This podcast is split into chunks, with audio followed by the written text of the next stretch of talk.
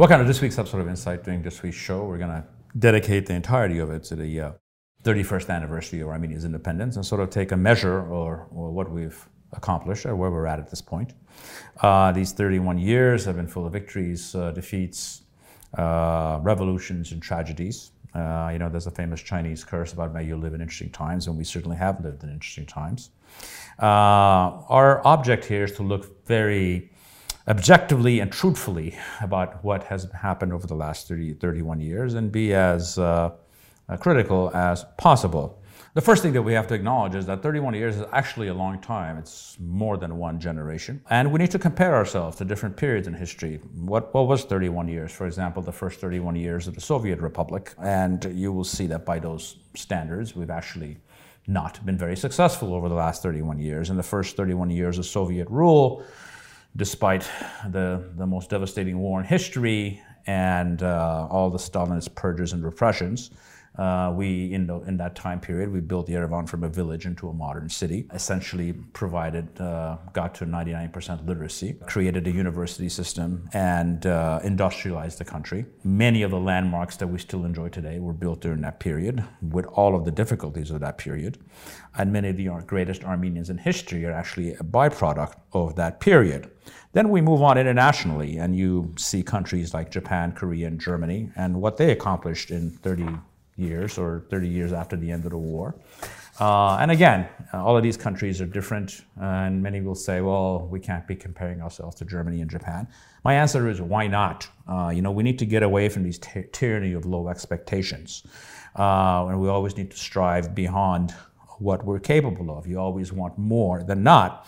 And I'm also, I'm not at all convinced that we're not capable of greatness. And if you want to see greatness, let's move on to TUMO to which the state of California, the largest state and the most important country in the world, and the government of Germany is actually giving money to to start up TUMO centers in their country. So obviously, we are capable of greatness if we put our minds to it. Uh, one of the biggest failings that we've had in the last 31 years is not thinking big, not looking at grand visions and grand projects, and we, that's why we have so little to show for it. Now, what we're going to do is we're going to go through different categories of culture, economy, and different things and judge us sector by sector about what's happened the last 31 years. And we'll start with the most important one, which is economics. Uh, it's fair to say that we've generally underperformed, uh, uh, primarily because of weak institutions, lack of a competent legal system, and uh, most devastatingly, the monopolistic, corrupt system that we had before the revolution. Uh, however, there is good news on this front. We appear to have turned a corner uh, over the past five years for many different reasons. One of them being the fact uh, that our IT sector has become far more strong and far more relevant in, in, the, in hiring far more people and raising the income level of so many in this country. Uh, secondly, I think, which is somewhat unnoticed, is that the post COVID work world has actually been quite favorable to Armenia uh, because any country that has a lot of freelancers like we do that work internationally has actually benefited from uh, work being uh, done not on site. Uh, last uh, and third, and most importantly, is, is this the removing of this opportunity killing corruption that we had prior to the revolution and uh, killing the dead hand of the oligarchy uh, and the feudal system that we had in rural areas has actually opened up the entrepreneurial spirit of the Armenian people. And I think partially here, and people always underestimate this, this is culture kicking in. You know, this is, uh, we're a country of uh, shopkeepers in many ways. And uh, if people are left to their own devices and they're given freedom, and no one's uh, trying to uh, stop them or bother them, they will always find a way uh, to feed their families and put a roof over their heads and progress. And I think that's what we're seeing right now on the economic front. Let's move on to the second topic, which is state building, which is by far our greatest failure. We've essentially had two periods. It was before the revolution, we had a state that was uh, corrupt and incompetent. After the revolution, we have a, a state that is simply incompetent. The biggest issues facing this country when it comes to governance is actually issues of management capacity and institutional knowledge and competence. Most deadly as you know, a manifestation of this is obviously the military and our intelligence services. And all of this was obviously has been exposed over the last few years. And it has been exposed at great cost to the lives of so many people in this country.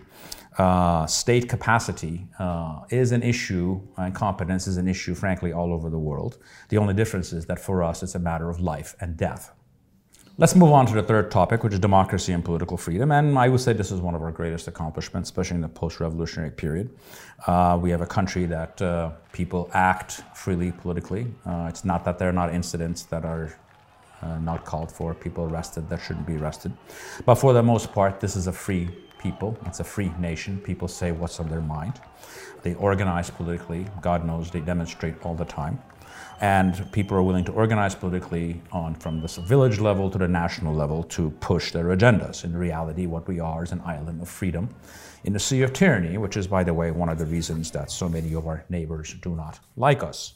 Uh, let's move on to the fourth topic, which I call education and sciences. Uh, uh, this has been a catastrophic failure. Uh, in fact, I would say it's less than we're less than zero here. Uh, in the top 1,000 universities in the world, we only have one representative at 801.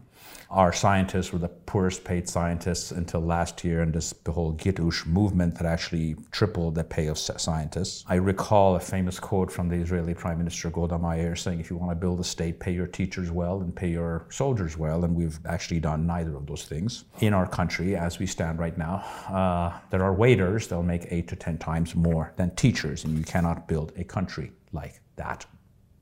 Let's move on to statecraft and foreign policy. And again, this is another area of failure. One of the reasons is that we have not invested properly in our diplomatic corps. We simply don't have enough effective diplomats uh, or people that actually have an understanding of how the world works. And if you want to look at the universal approach during the old regimes, uh, their approach to the world is if we hide and hopefully no one notices us.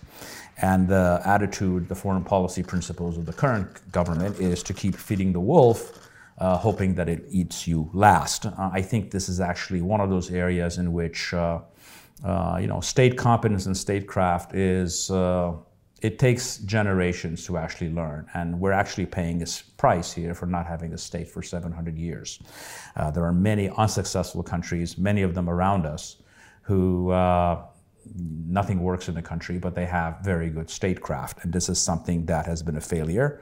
Uh, some of it based on natural reasons, but obviously that's not what we're focused on. We need to focus on things that can get fixed, and this is something if you put enough attention, uh, enough resources into it, we're more than capable of making this work. But overall, for the first 31 years, we need to give ourselves a massive failing grade on this front. Last topic that I want to talk about is an issue of culture, uh, much underappreciated.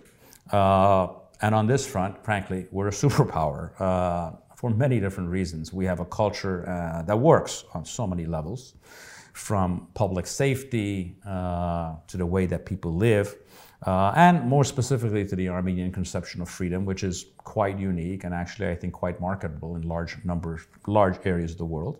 Uh, because Armenians, uh, we do not accept tyrants. That's the first thing. And second thing is uh, our notion of freedom is different from the Western one. A Western notion of freedom is a freedom from. Ours is not a freedom from. Ours is a freedom to uh, have your life individually while you're at the same time you're living in solidarity. We're not interested in living on hilltops with guns and being alienated from each other. Uh, on some level, frankly, uh, our culture has been so functional that we have noticed that we don't have an operative state. And we sort of learned that after the November 2020 war, is that uh, this country has actually not had a state on so many levels, but you know everything goes on and nothing changes. Uh, culture is two has two values for us. One, it's a great tool in telling our story to the world, and second of all, it's actually a great development tool in building the country. In close, uh, why do I stress the issue of culture? Uh, because in the modern world, uh, the biggest issue, especially in the West, is culture wars and dysfunctional cultures. Uh, uh, the truth of the matter is that dysfunctional cultures either cannot be fixed or are very difficult to fix.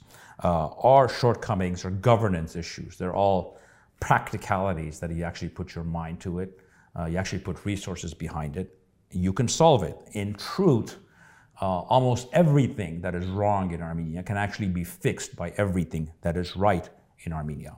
And that is something that we should be aspiring for as we move forward from this 31st anniversary. Thank you for, thank you for joining me in these episode of insights.